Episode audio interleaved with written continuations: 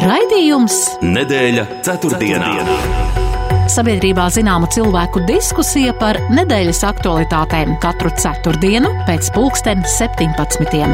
Nedēļa ceturtdienā. Projektu finansē Mēdīju atbalsta fonds no Latvijas valsts budžeta līdzekļiem. Sveicināti, kurzemes radio klausītāji! Tiekamies decembra pašā pirmajā dienā, lai atskatītos uz pēdējo dienu notikumiem, un šodien aprit tieši divi mēneši kopš ievēlēta jaunā saima. Taču vēl neesam nonākuši līdz jaunajam ministru kabinetam, jo šajā nedēļā otrdien vēl arī notika ministru kabineta sēde, kurā tika skatīta virkne jautājumu, tostarp par līdzekļu piešķiršanu dažādiem mērķiem, kurus lēmumus pieņem un kurus vairs nepieņem iepriekšējais ministru kabinets. Sabiedrībā pirmo jautājums, kā šādu šādus jautājumus var izlemt valdība, kur jau mēnesi ir bez pilnvarām. Zināms, ka top valdības deklarācija jaunajai valdībai un zināms arī, ka Saimas juridiskajā komisijā noraidīti grozījumi ministru biedru amatu un arī jaunā klimata un enerģētikas ministra posteņa izveidai, bet šodien jautājumi tika skatīti Saimas otrajā lasīmā un tika pieņemti. 14. saima jau pierādījusi sevi kā aktīvu um, ar aktīvu opozīcijas darbu. Un Politikas komentētāji pauž, ka lielais opozīcijas deputātu skaits dažās komisijās var sarežģīt arī paša likumdevēja darbu. Šajā nedēļā atklājās arī krāpniecība svarīgu valsts institūciju iepirkumos. Tās ir Centrālā vēlēšanu komisija un Pilsonības un migrācijas pārvalde. Kā tas ietekmē sabiedrības uzticēšanos valsts amatpersonām un vai šajā laikā varam šādas lietas atļauties, kad apkārt ir tik daudz arī ārējo apdraudējumu. Vēl šonadēļ plašu rezonanci sabiedrībā raisīja Daugopilī Marka Rotko centrā izvietotās mākslas ekspozīcijas atsevišķu darbu piespiedu izņemšanu no apskates. Sociālos tīklos raisījās plašas debates par to, kas ir un kas nav māksla, bet tomēr ir decembris, adventa jeb Ziemassvētku gaidīšanas laiks un ierastos notikumus vairāk vai mazāk tomēr aizēno arī Krievijas agresiju Ukrainā. Ukraiņi varonīgi ne tikai aizstāv savu zemi, bet arī centimetru pa centimetram atbrīvo arī no okupācijas karaspēka. Un šodien plašāk arī izskanējusi informācija par aptauju Krievijā, kuras dati liecina, ka 55% Maskavas iedzīvotāji vēlas panākt tomēr izlīguma sarunas ar Ukrainu. Un vēl petīciju, publi, interesantu petīciju publiskojusi Čehijas sabiedriskā iniciatīva Dāvana Putinam ar tāds nosaukums šai iniciatīvai. Un šī petīcijā paredzēts atslēgt, aicināt atslēgt gāzi, elektrību un ūdeni Krievijas vēstniecībai piedarošām ēkām. Tāds lūk priekšlikums, kā rīkoties ar ar agresoru savās valstīs. Par kādiem no minētajiem tematiem šovakar plašāk sarunāšos ar raidījumu viesiem, un tie ir žurnāla ir žurnālists, komentētājs Pauls Rauceps. Labdien! Labdien! Un 14. saimnes deputāts Ainārs Šlesers partija Latvija pirmajā vietā. Labdien! Sveiki! Un man jums ievadam tāds jautājums, jā, vai māksla ir pakļaujama cenzūrai? Mēs zinām, ka Marka Rotko centrs bija spiests izņemt no ekspozīcijas vairākus tā sauktos mākslas darbus, un to pieprasīja pašvaldība ar vietējo garīdzniecību kopā. Kāds ir jūsu viedoklis par šo, um, kur ir robeža mākslai un kur tā jau beidzās un saucama kādā citā vārdā varbūt, jā. Sākšu ar jums, uh, Raucepa kungs. Nu, sāksim ar to, ka tas jautājums vispār nedaudz uh, mani izbrīna, jo satversmē ir skaidri pateikts, ka cenzūra ir aizliegta. Un tas jautājums, vai tā ir māksla, vai tā nav māksla, kāda veida izpausme tā ir, tas īstenībā nav svarīgi šajā gadījumā. Vai mums tas patīk, vai mums tas nepatīk. Katram cilvēkam Latvijā, katram cilvēkam, kas izpaužas Latvijā, ir tiesības uz vārda brīvību, uz izteiksmes brīvību. Un līdz ar to cenzūra ir aizliegta. Nedrīkst pateikt, nē, jūs nedrīkstat to teikt, vai jūs nedrīkstat to rādīt, ja vai jūs nedrīkstat tādu darbu rādīt, izņemot kaut kādos ļoti konkrētos likumā definētos gadījumos. Tāda mums ir, piemēram, nu, bērnu pornogrāfija, piemēram, citas lietas, kuras ir aizliegtas, pamatoti, bet kopumā, ja nav likumā aizliegts, tad cilvēkiem ir tiesības izteikties. Un man liekas, ir druskuļi maldinoši. Tad bieži vien tā visa tā diskusija aiziet to, vai man tas patīk, vai, man, vai tā ir māksla un tā tālāk. Tas ir vienalga. Tas īstenībā ir vienalga. Tā ir cilvēka brīvā izteiksme, kas ir satversmē aizsargāta un nedrīkst to ierobežot. Jā, Šleserkungs, kāds ir jūsu viedoklis šajā jautājumā? Jāsaka, es neesmu bijis Daugopilī un neredzēju to izstādes, tikai nedaudz kā, informāciju iegūt caur sociāliem tīkliem. Droši vien es varu daļai piekrist tam, ka cenzūru nevajadzētu izmantot mākslā. Bet vienlaicīgi es gribētu teikt, ka nevar būt arī visatļautība. Tas apmēram tā, ja kādam patīk staigāt ar plašķīti un virināt to plašķīti, un zem plašķīša nekā nav, un viņš saka, es esmu demokrātiskā valstī dzīvoju, nu, es uzskatu, ka tomēr ir tās sarkanās līnijas. Es varētu nokomentēt to, kas notika Venecijā, Bienālē, tur, kur arī brauca mūsu augstākās amatpersonas, tur piedalījās. Tur arī bija māksla, ar kuru it kā mēs lepojamies. Un tā māksla tika nu, prezentēta kā, kā lai, kas pārstāv Latviju. Un patiesībā runāsim atklāti. Tur bija kaut kāds nu, gleznas, jeb veidojumi, ja nemaldos, kur bija vīriešu dzimumu locekļi salikti kopā. Un kāds saka, tā ir māksla. Es teikšu tā, ka nu, iespējams man nav Eh, tik eh, labas zināšanas mākslā, lai es eh, teiktu, ka man tas patīk. Es šoreiz izmantošu iespēju paklusēt. Es uzskatu, ka ir lietas, ar ko var lepoties, un ar ko lepoties labāk nevajag. Jā, te ir katram savs tāds uh, skatījums uz to, bet, nu, jā, uh, bet vai tomēr nav tā, ka vajadzētu būt tomēr kaut kādam nu, regulējumam? Tā kā jūs, Raucepkungs, teicāt, ir, ir likumā pateikts, nu, piemēram, bērnu pornogrāfija, bet cik tālu mēs esam no tā? Bet es atvainojos. Tas ir lietas, kuras ir skaidrs. Teiksim, Šlēsēra kungs te ir sajaucis, nu, visu kaut ko samets vienā katlā, ir kā tā būtu atbildes jautājumi. Bet te ir ļoti skaidrs jautājums. Vai cilvēkam ir tiesības uz izteiksmes brīvību? Jā, tas ir satversmē aizsargāts. Viņam var nepatikt. Ļoti labi. Es, varbūt arī man nepatīk. Es, bet šis nu, mums nav tāds uh, mākslas kritiķu sajiets, kur mēs diskutējam par to, vai, ka, vai, cik lielā mērā tas atspoguļo mūsu dienu reālijas un tā tālāk. Mēs runājam par to, ko drīkst ierobežot vai neierobežot valsts vai pašvaldība. Tas ir ļoti konkrēts jautājums, un kas nav saistīts arī ar tā virināšanu. Tas ir pilnīgi kaut kas cits. Es nezinu, kaut kāda uh, seksuāla uzmākšanās Tas, protams, ir likuma aizsardzība. Es nezinu, kāpēc Lesers kungs vispār to pieminēja. Tam nav nekāda sakara ar šo diskusiju. Bet ir skaidrs, ka cilvēkiem ir izteiksmes brīvība. Un tā ir aizsargāta satversmē. Un līdz ar to tad, es nezinu, kas cits te būtu jāsaka. Man, man es teiktu, tā, es negribētu daudz izteikties par šo tēmu. Vienīgi tas, ka nu, arī mākslā droši vien ir kaut kādas līnijas, Un, tāpat kā ir filmas, tur no 18 gadu var skatīties, nav rekomendējums bērniem un viss, ja, ja māksla, ja kaut kādā valsts muzejā, un Rotko, tas ir valsts muzejs Daugopilī, to mākslu izvieto. Es teikšu tā, šoreiz es izmantošu iespēju varbūt paklusēt. Es neesmu tas, kurš sāks cenzēt, ko drīkst rādīt, ko ne, bet man šķiet, ka tur jābūt kaut kādai pieklājības normai vienmēr, un, ja gadījumā tas ir kaut kas īpašs, nu, tad varbūt vajag teikt, jā, māksla tiem, kam ir pār 18. Jo Rotko muzejā ir arī bērni. Es, piemēram, Raucepkungs bija ar saviem bērniem Rotko muzejā, un es negribētu, lai mani bērni varbūt redz tādu mākslu. Tā kā varbūt tiešām vajag kaut kādā veidā Uh, apzīmēt, uh, ka tā māksla ir bērniem, pieaugušiem vai arī. Es, es, es ar saviem bērniem esmu bijis redzēt, piemēram, uh, Michelangelo Dāvidu kur ir redzams tieši tas pats, kas ir redzams Rotko muzejā. Tas ir viens no rietumu civilizācijas dižākajiem darbiem. Es, nu, un tad neredzēju nevienu zīmi Itālijā, ka lūdzu uzmanieties ar bērniem šo darbu, lūdzu neskatieties. Jā, labi. Bet nu, mums ir arī citi temati, par ko runāt. Tas bija jautājums ievadam, lai mēs varētu iesildīties. Un, uh, tomēr ir arī lietas, kas īsti ar mākslu nav saistītas, bet kur māksla ir vajadzīga. Un, uh, mēs zinām, ka arī politika tā vairāk vai mazāk ir kompromisu māksla. Un, uh, un skatoties to, ka mums ir um, otrais mēnesis jau mums ir ievēlēta um, jaunā saima, jaunais sasaukums, un šodien bija tāds saimas balsojums par ministru biedriem un uh, arī par uh, par šo klimata enerģētikas ministriju, un mēs zinām, ka tur vakar vēl bija pavisam cits balsojums juridiskajā komisijā, ko arī nu, skaidro to, ka juridiskajā komisijā tā kā ir arī.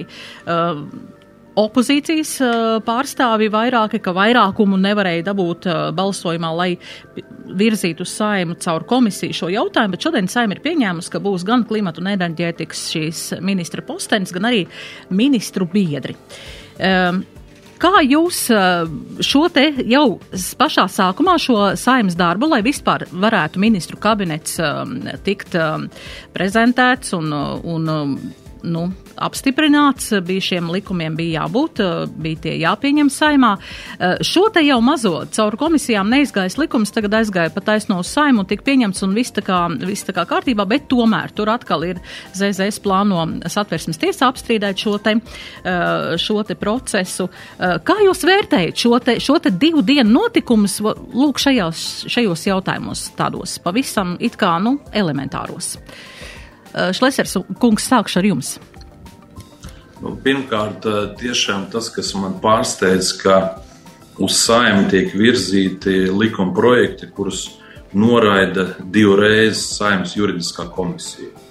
Protams, saima ar vairākumu var pārbalsot jebkuru komisiju lēmumu, bet tomēr nu, tas nav īsti labi, sevišķi uzsākot saimnu tādā veidā konfrontēt ar komisiju, it sevišķi juridisko komisiju, kura to noraida. Kas attiecās par šiem amatiem, es teikšu tā, ka kur ir tā neizpratne, piemēram, par tiem biedriem.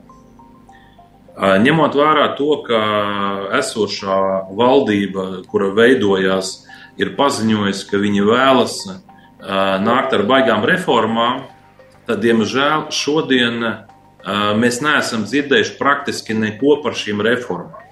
Ja gadījumā, piemēram, Kariņa kungam būtu vēlme par, par ministru prezidenta biedriem vai, vai kādos citos amatos ielikt cilvēkus, profesionāļus, kas varētu ievērojami uzlabot valdības darbu, tad jāsaka, ka te ir konkrēts kandidāts. Viņam ir izcila izglītība, izcila darba pieredze, un es uzņemos atbildību. Bet tas kurjos ir kur? Neviens nesaka, kas ir šie cilvēki, kas ir šie uh, potenciālie biedri, tavāriši, kuri tiks ieceltā matos. Un tad mēs aizējām līdz juridiskai pusē, tad kādas pilnvaras būs šiem cilvēkiem. Sākumā viņi teica, ka šie biedri palīdzēs uh, horizontāli komunicēt. Bet es vienkārši iedomājos, es esmu bijis gan ekonomikas ministrs, gan satiksmes ministrs. Ja man tagad ieceltu kādu uh, ministra biedru premjeras, Tad pirmkārt es uzdotu jautājumu premjeram, kādas pilnvaras ir šīm biedrām. Uh, viņš ir novērotājs, uzraugs, padomnieks. Skaidrs, ka viņš nav ministrs. Pat ja viņu nosauc par ministra biedru, ja viņu ieceļ premjeras, tad premjeras viņu var arī atcelt. Es uzskatu, ja būtu nepieciešama kaut kāda īpaša uzdevuma ministra, piemēram, uz seši mēneši, lai atrisinātu kaut kādu jautājumu, tad uh, vajadzētu šos cilvēkus iekļaut valdības sastāvā, un uh, saimai par viņiem būtu jānobalso. Un tad, kad saima būtu nobalsojusi, tad viņiem būtu dots konkrēts mandāts, ko viņi varētu realizēt. Tagad sanāk tā, ka principā tie nav nekādi ministri. Tās ir vienkārši darba vietas kādiem partiju pietuvinātiem cilvēkiem, kurš katrs izmaksās vismaz 8000 eiro. Tā ir tikai alga, plus birojas, plus sekretāri, plus mašīna un tā tālāk. Kā te aprēķināja cilvēki, tas būs miljons pa labi, miljons pa kreisi. Un, eh, un tas tiek eh, uz neierobežotu laiku ielikts iekšā. Un tad, kad mēs uzdevām šos jautājumus, neviens nevar paskaidrot, ko tad viņi īsti darīs, lai uzlabotu. Un tad, eh, protams, izējot no tā, sākās šīs visas diskusijas, kā rezultātā, protams, op, tā kā opozīcija nav šīs informācijas, opozīcija neatbalstīja šādu biedru posteņu e, ieviešanu vienlaicīgi, ko mēs arī teicām. Mēs sakām, mēs gribam redzēt reformas, mēs gribam redzēt, kā tiks samazinātu valsts pārvalde, piemēram, par vismaz 30%. Kāpēc 30%? Tāpēc, ka Igaunijas valsts pārvalde ir par 30%. Mums ir signāls mazliet aizkavējies. Raucep kungs, vai, ja, mēs Jā. daļu nedzirdējām, uh, Šleser kungs, no jūs teiktējiem, mums bija kaut kāds traucējums. À, par Igauniju jūs nu, runājāt, tāda, par Igauniju. Jā, ir, ne, ir nepieciešams uh, samazināt izmaksas. Samazināt valsts aparātu par 30%. Mēs nedzirdam neko par valsts aparātu samazināšanu, par izmaksu samazināšanu. Tas, ko mēs dzirdam, kad liks klāt jaunus posteņus, kuri maksās miljonus. Pēdējos gados vidēji 2 miljoni gadā ir aizņemti. Tas nozīmē, ka nākamajā gadā vēl tiks aizņemti miljardi, atvainojos. Ko nozīmē šodien aizņemties vienu miljardu? Tas nozīmē, ka gadā būs jāmaksā 50 miljoni tikai procentu maksājumos. Ja mēs aizņemsim 2 miljardus, tad būs 100 miljoni eh, eiro procentu maksājumos. Mēs to šodien Jā. atļauties nevaram. Tā kā, Jā. ja, es pabeigšu. Jā.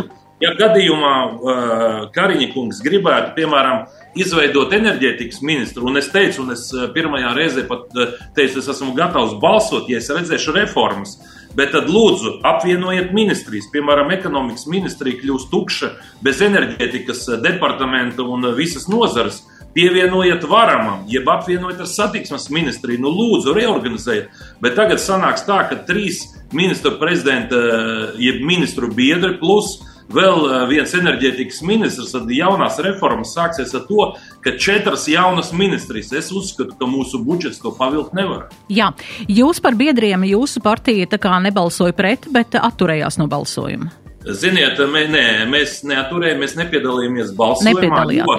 Sākumā bija debatas par to, vai, vai vispār procedūra netiek pārkāpta. Tā kā izskanēja dažādi viedokļi, un ņemot vērā, ka juridiskā komisija divreiz noraidīja šo priekšlikumu, mūsu frakcija nolēma vienkārši nebalsot, jo ZZS jau paziņoja, ka viņi vērsīsies satversmes tiesā. Tā kā mēs izmantojām iespēju paklusēt šajā jautājumā. Jā, paldies. Raucepkungs, jūsu viedoklis šajā?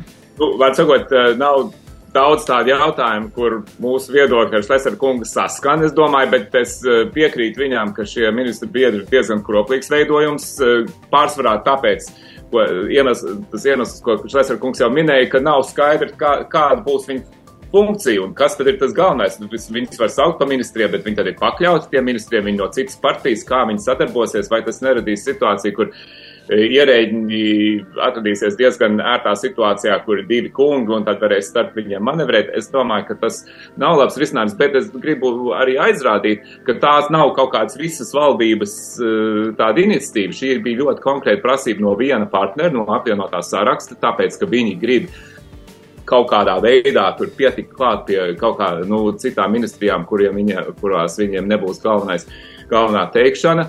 Uh, viņi pārējie, nu, ne jaunā vienotība, ne Nacionālā apvienība nebija sajūsmā par šo priekšlikumu, bet tāpēc, ka viņi acīm redzot šo valdību grib izveidot, viņi piekrita. Eh, es domāju, ka tas nav labs jaunieviesums, un tā, man liekas, ir apvienotā saraksta, nu, viņi sāk ar diezgan nelabvēlīgu pienesumu šim, eh, šai valdībai ar šo jauninājumu. Eh, gribētos arī pieminēt par parādu, jā, tur bieži Šlesarkungs daudz runā par parādu pieaugumu, tā ir taisnība, ka absolūtos skaitļos tas ir pieaudzis, bet mums ir arī tas būtiskākais atskaits punkts, protams, ir parāds pret iekšzemes koproduktu, jo, teiksim, tas, cik tu esi parādā un vai tu vari to apmaksāt, ir saistīts ar to, cik tev kopumā ir naudas. Un šajos gados īsnībā šis, šis rādītājs ir bijis stabils pat mazliet ar kritumu, tā ka, teiksim, teikt, ka mēs esam kaut kā eh, palīdzot cilvēkiem ar Covid laikā ar dažādiem pabalstiem, kas bija noteikti ļoti nepieciešams, eh, ka mēs esam kaut kādā veidā tur eh, audzējuši parādu nastu, tas nebūtu īsti precīzi.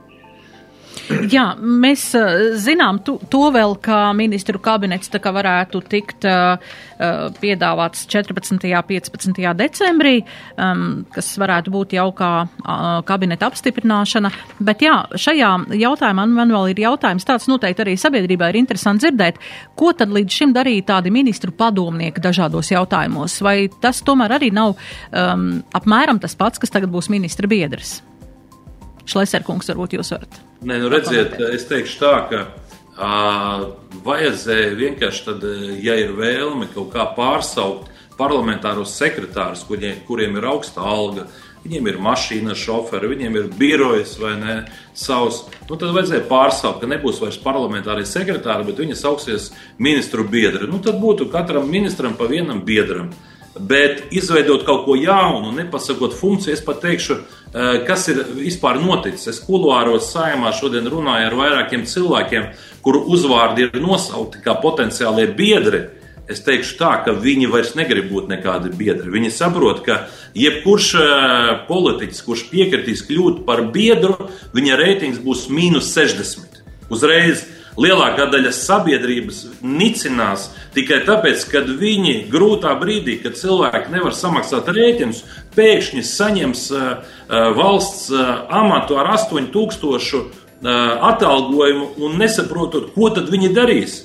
Nav tās izpratnes, viņi kaut ko koordinēs. Man patīk tā, ka, ja gribat tiešām ielikt kādu īpašu uzdevumu ministru uz terminētu laiku ar konkrētu uzdevumu, Punkts. Viss ir izdarīts, un tad premjerministrs paskaidro, ko viņi dara. Es uzskatu, ka būs tā, ka beigās, ka tagad viņi ir nobalsojuši par šiem biedriem, kad būs biedri, kas atteiksies, un viņi vairs nebūs, negribēs būt par biedriem, ja viņi saprot, ka tā nežēlstība no, no vēlētāju puses būs milzīga, jo šodien nav neviena, kā Raucepkungs teica, ka par šajā jautājumā mums viedoklis sakrīt, kad, kad arī mēs pat nevaram saprast, kas īstais tā visa slēpjas. Vienīgais izskaidrojums, ka partijām vajag kaut kāds cilvēks ielikt labi apmaksātos amatos, iedot viņiem automašīnas ar šoferiem, nu, un uzlikt to visu uzkraut uz nodokļu maksātāju pleciem.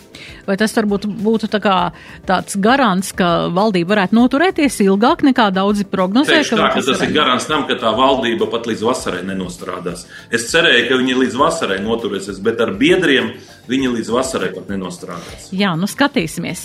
Jā, bet interesanti arī ir eh, tādi jautājumi arī mums ir par to mm, nākuši par uh, iepriekšējo ministru kabinetu, mēs zinām, ka otrdien bija ministru kabineta sēde, un kā mēs zinām, pēc šīm ministru kabineta sēdēm vairs nav uh, preses konferenču, uh, tā kā nevar tā pa pastiprināt, uzdot padziļināts jautājums par kādiem lēmumiem, bet arī, nu, otrdienas sēdē ir pieņemti daudzi tādi lēmumi, kur arī ir tādas, nu, krietnes naudas summas piešķirtas, nu, piemēram, 8 miljonu eiro, lai sāktu komandu sporta spēļu halas izveidi, piemēram, Rīgā. Eh, no līdzekļiem neparedzētiem gadījumiem patiesībā ļoti tādi, nu, es saprotu arī palīdzībai Ukraiņu um, šiem cilvēkiem, kas dzīvo uh, Latvijā, uh, ir, ir tāda pamatoti, bet uh, runājot par aizējošo ministru kabinetu, mēs zinām, ka ar 1. novembri tā kā arī viņu pilnvaras tā kā vairs nav tādas īstas, nu, darboties, bet, nu, mēs redzam, ka lēmumi tiek pieņemti un diezgan naudīgi lēmumi. Varbūt jūs varat paskaidrot sabiedrībai, kā tas ir. Um, vai viņiem tagad nav tāda tā kā iespēja kaut ko vēl pabeigt ar tādu pozitīvu zīmi, kas patiesībā, var, kas būtu jādara jaunajam ministru kabinetam, vai varbūt šiem lēmumiem būtu vēl laiks pagaidīt līdz, līdz varbūt izskata cilvēki, jaunais ministru kabinets, jaunie atbildīgie cilvēki ievēlētie, kas, nu, būs ar budžetu strādās, un varbūt viņiem šie līdzekļi neparedzētiem gadījumiem būs tīri noderīgi kādās, kādiem citiem mērķiem. Kā jūs varat paskaidrot šo? Sākšu ar jums, Raucepkungs, kā jūs redzat? Nu, es apskatījos to sarakstu, ko jūs man atsūtījāt par tiem lēmumiem, par ko ir jautājums. Es te neredzu neko tik lielu un nozīmīgu, kas man liktu uzreiz teikt, ah, pagaidi, viņi tagad pārkāpuši savus pilnvarus. Nu, varbūt par to sporta zāles, bet, godīgi sakot, neesmu iedziļinājies. Bet tie pārējie nu, piemēram, par Ukrainas bēgļiem, tas ir objektīvi nepieciešams. Tas ir jāpieņem tagad un nevar gaidīt uz budžetu. Vienkārši, jo budžets būs, nezinu, kaut kad janvārī. Nu, tas, nu, un tie cilvēki, tiem cilvēkiem palīdzība ir vajadzīga šobrīd. Arī citi bija saistīti ar šādiem pabalstiem. Tā ka katrā gadījumā savukārt tur jūs bijat ierakstījuši arī, tiek atlikts jautājums par uh, skolotāju algām, bet tas nu tieši ir nākamās valdības un nākamā un šīs saimas budžeta jautājums. To nevarētu šī aizējošā valdība lemt. Jā, tā ka, nu, nu nezinu, varbūt, varbūt es kā, un arī tās summas, nu, godīgi sakot, jā, cilvēkam parastam tāds miljons, tā ir milzīga nauda, bet valsts budžetam miljons nu, uz, kopējā, uz kopējā fona nav īstenībā tik liela tā summa. Tā, ka, nu, es tur neredzēju tāds, neko tādu kliezošu, ko es teiktu, ka nu, tas, tā, kā viņi tā var.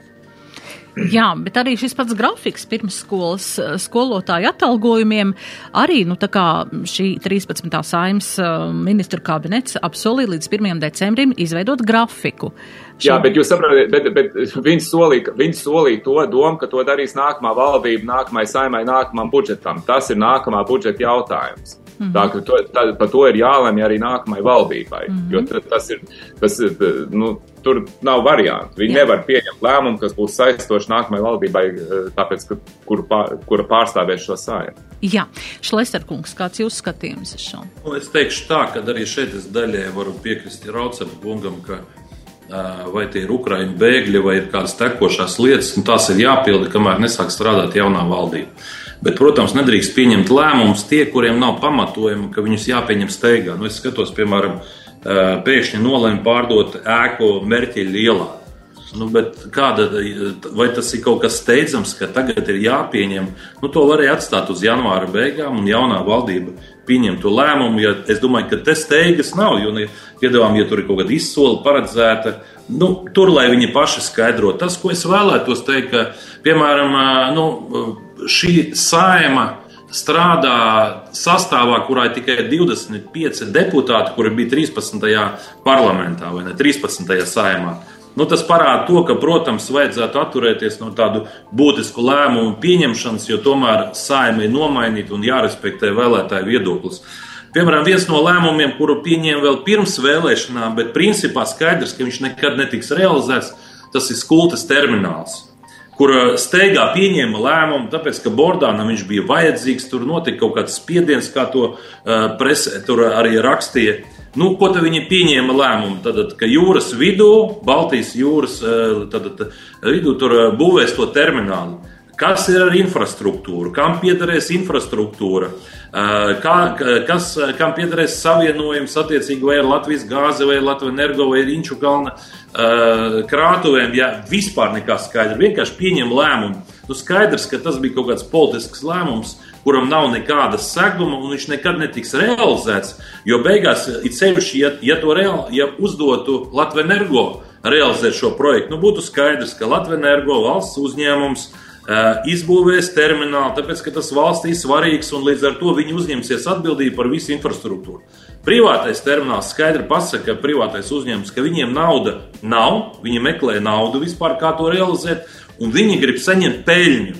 Un tagad, laikā, kad cilvēki nevar samaksāt par rēķiniem, par elektrību, gāzi, pēkšņi tiek tāda dāvana piešķirta konkrēti Bordāna partijas sponsoram, Ragaušam, kurš stāvēs tā, lai viņš realizē ar garantētu peļņu. Skaidrs, ka šāds projekts netiks realizēts. Esmu pilnīgi pārliecināts, ka Kariņš nemaz viņu negribēs vairāk realizēt. Līdz ar to nu, jautājumi, kas skar tekošās lietas, valdībai ir jāpieņem līdz tam brīdim, kamēr sāk strādāt jaunā valdība. Bet nu, man liekas, ka tādi būtiskie lēmumi tiešām ir, ir jāatliek līdz brīdim, kamēr jaunā valdība sāk strādāt. Jā, ja mēs runājam, jūs jau pieskārāties pie tā par šiem, par šiem dažādiem izdevīgumā, tādiem izdevīgu momentu piešķiršanu saviem pazīstamiem cilvēkiem vai tuviem partneriem vai kaut kādā veidā, tad mēs varam varbūt jā, par nākamo tematu parunāt par, šo, par šīm divām skaļajām lietām, kas ir KNAB, CVK, tātad Centrālā vēlēšana komisija ir organizējusi iepirkumu, kurā izskatās, ka ir bijusi krāpniecība, un tieši tāpat arī parādījās ziņa arī vakar par pilsonības migrācijas lietu pārvaldes arī iepirkumiem. Un konkrēti abās, abos jautājumos ir viena un tā, viens un tas pats uzņēmums. Uh, Kā jūs šo te varat komentēt un, un, un kā jums tas izskatās, jo patiesībā šie ir tādi divi, atkal tādas divas skaļas lietas, kas absolūti nu, sabiedrības uzticību ne, it nemaz nevairo. Ne? cilvēkiem, kas ieceļ šos cilvēkus, vadīt lielus departamentus, gan arī nu, valdībai kopumā, ievēlētiem cilvēkiem kopumā. Raucepkungs.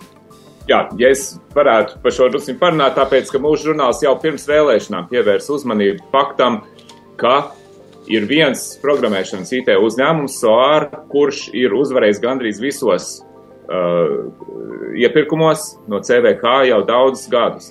Uh, un tieši ir nodrošinājis visu viņu IT infrastruktūru vairāk ne, nekā desmit gadus, padarot uh, CVK, Centrālo vēlēšanu komisiju, atkarīgi no sevis un radot situāciju, kur īsti nevar iz, arī izkontrolēt, vai tās naudas, ko viņi pieprasa, ir adekvātas un tā tālāk. Un turklāt e, ir zināms, ka šī uzņēmuma viens no valdes locekļiem ir bijis, e, nu, tāds, viņam ir bijušas ļoti draudzīgas attiecības ar iepriekšējo CVK vadītāju, Arnu Cimdaru, kurš, starp citu, ja nemaldos, Šleserkungs bija arī jūsu partijas biedrs. Um, pirms viņš aizgāja mūžībā. Nu, katrā gadījumā tas, eh, tas viss radīja ļoti aizdomīgu situāciju. Mēs par to rakstījām jau pirms vēlēšanām. Eh, protams, arī interesējamies, vai tur varētu rasties kādas bāžas par vēlēšanu pašu procesu. To gan es domāju, ka teiksim, mēs gan pirms vēlēšanām apskatot šo jautājumu un runājot ar dažādiem gan uh, neat, nu, institūcijām, Latvijas institūcijām, gan arī neatkarīgiem speciālistiem, es domāju, ka tur šķiet, ka nevajadzētu būt problēmai, jo visas tās sistēmas tikai apkopo informāciju, kas ir pārbaudām neatkarīgi. Viņi paliek arī, teiksim tā, uz papīra, ne tikai digitālajā formātā, ka teiksim, visus rezultātus ir iespējams pārbaudīt, bet katrā ziņā tas jautājums par šo atkarību no šī viena uzņēmuma ir ļoti satraucošs, un te mēs redzam, ka tās bāžas ir rezultējušās arī krimināla procesā. Protams, mēs ja cilvēki, nu, mums ir nevainības prezumpcija, un mēs nevaram zināt, ja, teiksim, nu, būs, es pieņemu, tad tiks izstrādāta apsūdzība, un varētu būt tiesa, un tad tiks lemts par viņu atbildības pakāpi. Bet uh, katrā ziņā te ir nopietns pamats uztraukumam. Un, diemžēl arī, šis arī nav vienīgais gadījums. Mums šonadēļ žurnālā ir vēl raksts, kur mēs esam izpētījuši arī citus gadījumus, kur līdzīgā kārtā ir viens uzņēmums, kurš ir pēdiņās pārsteidzoši bieži uzvarējis iepirkumos kādā konkrētā valsts iestādē vai ministrijā. Uh, un tur nereti ir redzams arī kaut kāds cits veids saites, piemēram, nu, tajā uzņēmumā strādā kāds, ja ir īpašnieks, kāda politiķa radnieks vai kaut kāds cits, teiksim, ziedotāji tur iesaistīti.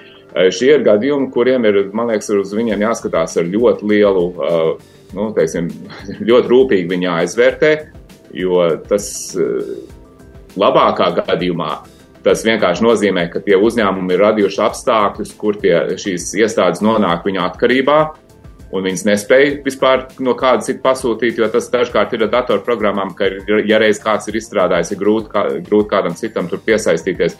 Bet, protams, sliktākā gadījumā tur ir korupcija, lai nodrošinātu šos pasākumus, un vēl sliktākā gadījumā, ja tās ir kaut kādas kritiski svarīgas uh, programmatūras, Tad, nu, es saku, teiksim, tāpēc tik ļoti liels satraukums par to CVK, tāpēc, ka, nu, vai tas nenozīmē kaut kādas bāžas par, nu, to rezultātu. Nu, es saku, šajā gadījumā Šķiet, ka nē, bet citos gadījumos mēs nevaram zināt. Tāpēc tas ir, tas ir ļoti satraucoši un tam ir jāpievērš liela uzmanība. Jā, bet eh, jūs sakat, tas ir apmēram desmit gadu garumā. Mm, tas tomēr pagājis garām arī gan valsts kontrolē, gan dažādiem kontrolējošiem. Jā, eh, valsts, ne, ne, tieši pierašanā valsts kontrole šim pievērs vairāk kārt uzmanību. Valsts kontrole tieši CVK gadījumā ir veikusi vairākas revīzijas, kur ir pievērsus uzmanību faktam, ka CVK ir nonākuši šī viena programmēšanas uzņēmuma atkarībā. Uh, un nekas īsti nemainījās tajā gadījumā. Te, te, ja es drīz nelielu atkāpi, uh, ir vispār, man liekas, problēma ar to, kā valsts strādā ar šādiem digitāliem iepirkumiem, jo visi iepirkumi ir ļoti saskaldīti starp dažādām iestādēm, un, protams, ne katrā ministrijā, ne katrā uh, valsts iestādē ir attiecīgās zināšanas, lai spētu efektīvi pasūtīt un pārvaldīt šādus iepirkumus. Uh, kas, kas ir, nu, bet tā ir cita tēma, bet katrā ziņā CVK šī problēma bija ļoti izteikta. Jā, citur arī es domāju, ka viņi varētu būt. Bet, bet fakts ir tāds, ka tika tam pievērsts uzmanība un nu, nekas nemainījās. Jā, Šleserkungs, kā jūs komentējat šo? Nu, kas attiecas par Cimdaru kungu, pirmkārt, es Rauksep kungs lūgtu nerunāt eh, neko sliktu par cilvēkiem, kuri, kuru, kuru eh, mūsu vidū vairs nav un kuri paši neko vairs nevar atspēkot. Vienīgi varu teikt, ka Cimdarbungs jau sen nestrādā šajā iestādē, un tas, ko ir uzsācis knāps, tas saistīts ar pagājušā gada iepirkumiem. Tā kā Cimdarkunga piesaukt, man liekas, tas ir ļoti. ļoti bet, bet šī uzņēmuma attiecības ar CVK sākās viņa laikā. Jā, neiet runa par uzņēmuma attiecībām, runa ir par pārkāpumiem konkrētā iepirkumā. Tā kā, ok, iesim tālāk. Kas attiecās par šo konkrēto gadījumu, es domāju, ka knābam jāļauj strādāt, un pēc kāda laika būs vairāk informācijas. Tad mēs varēsim arī komentēt. Protams, skumīgi tas, ka Centrālā vēlēšana komisija ir atbildīga par vēlēšanu organizēšanu, un, ja ir pārmetumi vienā jautājumā, tad, protams, rodas bažas par šīs organizācijas darbību kopumā. Bet tas, ko es gribētu teikt, kad ir virkne citi gadījumi, par kuriem neskāpēc neviens e, neko tā arī nedara. Es pirms vēlēšanām vairāk kārtīgi, piemēram, runāju par 500 tūkstošu eiro saņemto maksājumu Juraša ģimenei no PNB bankas, kas bija oficiāls maksājums, ko Jurašs pats atzina e, de facto raidījumā pirms kāda laika. Un rezultātā banka ir iznīcināta, izlaupīta, simtiem miljonu ir pazuduši. Guseļņikovs aizlaidies ar naudu. NATO bijušais ģenerālsekretārs Rasmussens ir uz apsūdzēto sola. Un neviens nepārbauda. Tad jau, vai nav tā, ka gadījumā eh, tos, eh, kas, saka, tos, kas eh, kaut kur tirgu kādu sābolus mē, mēģina nofenderēt, tos pieķer, bet tur, kur, piemēram, nu, tādi uzvārdi kā Bordāns un Jūrašs figurē, Tur nekāda darbība līdz šai dienai nav notikusi. Un tas, ko es vēlos šodien pateikt, ka mēs eh, organizēsim parlamentā parlamentāro izmeklēšanas komisiju gan par šo gadījumu, gan arī par citiem. Es domāju, ka daudz lielākas problēmas nekā šajā jau jūs pieminētajā institūcijā ir aizsardzības ministrijā. Eh, ļoti daudz informācijas ir izskanējušas arī kuluāros par to runā, ka tur ir liels problēmas ar iepirkumiem. Es domāju, ka tur vajadzētu izveidot parlamentāru izmeklēšanas komisiju un noskaidrot, jo tur, redziet, viss ir noslepenots. Tā kā nu, parlamentā būs daudz darba, bet, kā jau es teicu, katrai iestādē jādara savs darbs. Šajā gadījumā es novēlu veiksmi kanābam, lai viņi tiek galā ar uh, šo izmeklēšanu, un lai, nu, lai, lai sabiedrība uzzina, vai tur ir kāda vaina vai, vai nav. Par to es ceru, ka nāps jau drīz informēs sabiedrību. Jā. Eh, runājot vēl par to, ko Šleserkungs jūs jau tā lieliski jau ievadījāt par to, ka būs šīs kādas izmeklēšanas komisijas un viss arī jūsu mm, priekšlikums šodien bija saimai par um, atlīdzību tiem, kas cietuši no, kā jūs izsakaties, no represijām Covid laikā, no apmēram tā, tā kaut kādā veidā, ko saima ir uh, noraidījusi. Bet uh, šī saima, mēs redzam, izceļās ar īpaši uh, aktīvu opozīciju.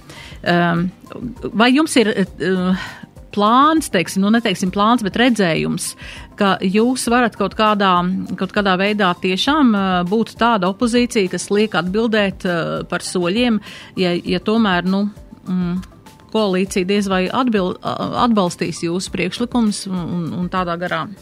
Es nevaru atbildēt par citām opozīcijas partijām, es varu atbildēt tikai par sevi un par partiju Latviju pirmajā vietā. Uh, Es esmu no saimnes tribīnas teicis, ka mēs būsim konstruktīvā opozīcijā. Tas nozīmē, ka mēs esam gatavi palīdzēt valdībai pieņemt arī nepopulārus lēmumus, ja mēs redzēsim, ka viņi ir sabiedrības interesēs. Vienlaicīgi mēs kritizēsim valdību par gļēvumu, par neizdarībām un par to, ka viņi vienkārši mēģinās neko nedarīt. Jā. Es ceru, ka Pīlēna kungs, neskatoties uz visiem šiem faileriem, ar šiem biedriem, eh, patreiz veidojot valdību, tomēr kaut kā aktīvi iesaistīsies šajā procesā. Es esmu no saimnes tribīnas arī teicis, ka es domāju, ka būtu tikai iegūms, ja Pīlēna kungs pats piekristu iet valdībā un reformēt šo valdību, piemēram, apvienojot vairākas ministrijas. Es domāju, ka viņš varētu ne divas, bet, piemēram, trīs ministrijas apvienot. Un es domāju, ka eh, mēs to atbalstītu, piemēram, ekonomika, satiksme, varams vai ne? Nu, e, visu ekonomisko bloku, par ko viņš runā, lai pīlēns iet, un mēs atbalstīsim. Un, ja vajadzēs veikt reformas, mēs to arī atbalstīsim. Jo mūsu mērķis, mūsu partija nav tagad sēdēt opozīcijā un kvaukšķiet un visu laiku tikai apriet valdību, ka viņi e, strādā slikti. Es esmu bijis valdībā, un es zinu, ka nevienmēr ir viegli strādāt valdībā, un tāpēc ļoti svarīgi, lai ir skaidra, skaidrs attiecības ar opozīciju. Tātad, lai valdība zina, kuros jautājumos opozīcija balsos par valdības lēmumiem un kuros gadījumos balsos pret. Līdz ar to nu, tas, tas ir mans redzējums par to saucamo sadarbību ar valdību. Bet, ja mēs apskatāmies uz šo Covid tēmu, par ko jūs runājat, Nu, man jā, jāizsaka nožēla, ka neskatoties to, ka 75 deputāti ir jauni deputāti, kas strādā saimā, tomēr šo mūsu konkrēto priekšlikumu noraidīja. Es uzskatu, tas eh, bija kļūda, jo mēs eh, neatkāpsimies no šīs pozīcijas, jo es joprojām staigāju pa tiesām, mani tiesā par to, ka es it kā esmu pārkāpis kādus covid ierobežojumus. Es zinu to, ka ir piemēram bijuši cilvēki, kuriem nu, nebija iespēja darbu apmeklēt. Jā, mēs runājam par 62,000 cilvēku, kurus atlaida vai, vai atstādināja no, no pienākumu pildīšanas, starp kuriem bija gan ugunsdzēsēji, kurus tagad, kuru pietrūkst patreiz ugunsdzēšanas depotā aizciet, gan policisti pazaudēt darbu, gan skolotāji, gan mediķi. Un es zinu, ka daudzi joprojām netiek pieņemti darbā sakarā ar to, ka viņi nav vakcinēti. Man šķiet, ka vajag ieklausīties tajos tiesas eh, spriedumos, kas ir notikuši citās pasaules valstīs, kur principā tiek atcelt iepriekšējie lēmumi, tiek izmaksātas kompensācijas. Šeit ir vajadzīgs kaut kāds eh, nu, izlīgums ar Latvijas sabiedrību. Un te neiet runa par, par mūsu partiju, iet runa par sabiedrības daļu, kura tiešām tika apdalīta. Un, ja šodien mēs redzētu tā, ka tiešām visi tie, kas nevakcinējās, ir muļķi un ka viņi ir eh, ļaundari, bet mēs šodien redzam to, ka, ka slimo gan vakcinētie, gan nevakcinētie. Mūsu partijas pozīcija bija tāda, ka vajag, vajag eh, noteikti brīvprātīgu vakcināciju, un tad katrs individuāli var pieņemt lēmumu, vai viņš eh, ir gatavs riskēt, izslimot un iegūt dabīgā ceļā imunitāti, jeb, jeb vakcinējoties. Jo mēs zinām, nu es negribu uzvārdu šodien saukt, bet daudzi man zināmi cilvēki tieši aizgāja prom ļoti ātri pēc tam, kad viņi saņēma tur otro vai trešo vakcīnu. Tā kā šī situācija ir tāda, ka ir vajadzīgs mierīgums ar tautu, un es gribu izmantot arī šodien iespēju, tā kā mēs esam tiešraidē, aicināt Kariņa kungu vēlreiz padomāt un uh, nākt ar priekšlikumu. Ja viņiem neder mūsu partijas sagatavotais priekšlikums,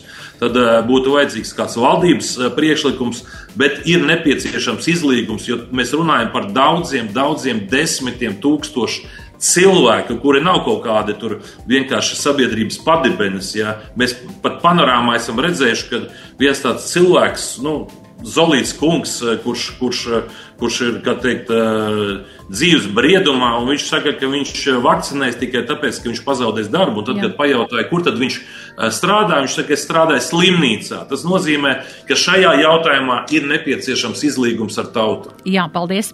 Raucepkungs, kāds jūs skatījums uz, eh, mēs šovakar dzirdam vienu politiskā spēku pārstāvu Ainārs Šleser no pirmās eh, Latvijas pirmajā vietā, bet mums ir tikpat ambiciozi arī progresīvo partiju, mums ir Zaļo un Zemnieku savienība, mums ir stabilitātei.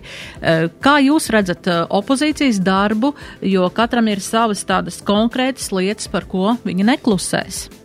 Jā, es vispirms pirms es atbildu uz to, man liekas, ir ļoti svarīgi tomēr uh, pateikt, ka ir svarīgi vakcinēties. Vakcinācija ir labākā aizsardzība pret smagām sekām no Covid. Jā, arī vakcinēti cilvēki saslims, bet viņi slimo tā slimības gaita nav tik smaga. Es esmu trīs reizes vakcinējies, es to nenožēloju. Es domāju, ir ļoti svarīgi, lai cilvēki vakcinētu. Un viens no iemesliem, kāpēc šobrīd rietumos ir tomēr zemāks un teiksim, krities tas līmenis, ir tāpēc, ka vakcinācija ir bijusi pietiekami plaša un efektīva. Tāpēc man liekas, ir ļoti svarīgi, lai cilvēki iz, šo izvēli veiktu. Un man liekas, ka Šlesner kungs tas ir ļoti bezatbildīgi no jūsu puses, teiksim, teikt, ka cilvēkiem nevajadzētu to darīt. Brīvprātīgi. Tas ir veids, kā cilvēki var sevi aizsargāt un aizsargāt arī kopējo sabiedrību. Tas ir viens. Par, par opozīciju kopumā. Nē, nu šī, protams, ir daudzskaitlīga, bet arī ļoti fragmentēta opozīcija, kā Šlesner kungs, Šlesner kungs tikko sūrojās, nevarēja savākt arī, teiksim, viņa tam priekšlikumam arī opozīcijas tur kopējo atbalstu, lai panāktu to. Un, bet, nu, ir skaidrs, ka opozīcija būs aktīva. Man liekas, ka tā ir sadalām dažādās daļās, un tas, kas man par opozīciju visvairāk satrauc, ir tieši tā daļa, kas, manuprāt, pat šajos kara apstākļos cenšas mūs vilkt atpakaļ Krievijas virzienā. Tas ir Roslikov kungs, nepārprotami, bet, diemžēl, arī Šleser kungs ir, ir manā viņas aktivitāte šajā ziņā. Viens ir vēlme pavērt vārtus jaunai lielai iebraukšanai, Krievijas pilsoņu, nu, iespēju radīšanai Krievijas pilsoņiem iebraukt Latvijā, iepirkt šeit īpašumus, kas mums Es atkal atsaucos uz žurnālu. Mums šodien ir intervija ar Vairvīķu Freibergu, kur viņi tieši saka, ka šo nevajadzētu darīt. Bijusī prezidenta uzskata tur liels briesmas. Šlesar kungs nāk klajā ar priekšlikumu atkal atjaunot termiņu uzturēšanas atļaujas programmu. Un man liekas arī, ka, teiksim, ka spīt tam labi Tas ir labi, ka tagad Šlēsarkungs ir mainījis savu viedokli, bet ir jāatgādina arī, kāda tā bija pirms 24. Eh, februāra, kad valdība tika nosaukta par pajoliņiem un idiotiem, tāpēc, ka viņi sūtīja ieročus uz Ukrainu, kas izrādījās ļoti svarīgi Ukrainas aizsardzībai, par to, ka viņi atbalstīs sankcijas pret Krieviju. Šveserkungs vēl 15. februārī rakstīja, ka karš starp Ukrainu un Krieviju nebūs un izplatīt un tam pielikt klāt Facebookā paziņot, teiksim, informāciju par, kas pēc būtības bija Krievijas dezinformācija un izplatīja savā Facebook kanālā. Man liekas, ka, teiksim, ka šā, šī nostāja pirms kara, kas bija Latvijai objektīvi kaitīga, ir man dara ļoti uzmanīgi pret Šlesera kungu tālāko politiku visos jautājumos, kas ir saistīti ar Krieviju. Tāpat kā tas, ka viņam daudz kāds bija biznesa saites caur ģimenes uzņēmumu, caur netieši caur ģimeni un ar ģimeni saistītiem uzņēmumiem ar vienu no Krievijas oligarhiem, Dmitriju Mazēpinu, kurš sēdēja pie Putina februāra beigās, tā ka Putins sasauc visus biznesa līderus, bet Zēpinam piedara uh, daļēji arī šeit Rīgas uh, fertilizer tas termināls, tas um, minerāla mēslu termināls, kur arī netieši Lesar kungs ir iesaistīts. Un man liekas, ka šīs ilgadējās saites arī varētu daļai skaidrot Šlesera kungu vēlmu tur atkal visu laiku skatīties Krievijas virzienā. Jā, paldies. Mums ir. Lai drīkst, es atvainojos. Vienu minūti. Atbildēt. Vienu minūti. Jā, pirmkārt par Covid. Es nekad neesmu aicinājis Raucam kungs nevienu nevakcinēties. Mūsu partijas pozīcija ir par brīvprātīgu vakcināciju. Tad katrs pieņem lēmumu pats, kas attiecās par, par Latvijas pirmajā vietā partijas pozīciju, mēs pēc 24. datuma skaidri nodefinējam, ka mēs nosodam Krievijas agresīvu iebrukumu Ukrainā. Mums pat nācās šķirties no dažiem partijas biedriem tikai tāpēc, ka šajā jautājumā viedokļi atšķirās. Kas attiecās par to, ka es vēl pirms 24. datuma neticēju, ka Krievija uzbruks. Es, es, es, es teiktu tā, ka lielākā daļa cilvēku, ne tikai es, neticēja, ka Krievija var iebrukt Ukrainā tādā veidā. Un līdz ar to mans viedoklis ir tāds, ka pasaule mainījās pēc 24. februāra, un es teikšu tā, ka jūs nevarat pārmest ne man, ne partijai Latvijai pirmajā vietā neko, kur mēs pēc 24. februāra būtu rīkojušies pretēji Latvijas interesēm. Es teiktu tā, ka mēs esam lielāki patrioti iespējams nekā jūs tikai tāpēc, ka mēs domājam par to, kā Latvija attīstīties. Ja jūs uzskatāt, ka uzņēmumi, kas strādā Rīgas ostā, Ventspils ostā vai Liepājas ostā, visi ir pretvalstiski elementi, tad es varu tikai izteikt nožēlu, ka tā ir jūsu pārliecība, bet pēc 24. februāra Jā. pasaule ir izmainījusies un mēs Paldies. esam kopā ar Latviju un Latvijas tautu. Punkts. Bet, bet ir rezultāti, tā valdība, ko jūs saucat, mēs ar jums satiksimies. Lēmumus. Jūs nevajag pēdējā minūtē tagad zaņķi mētāt virsū.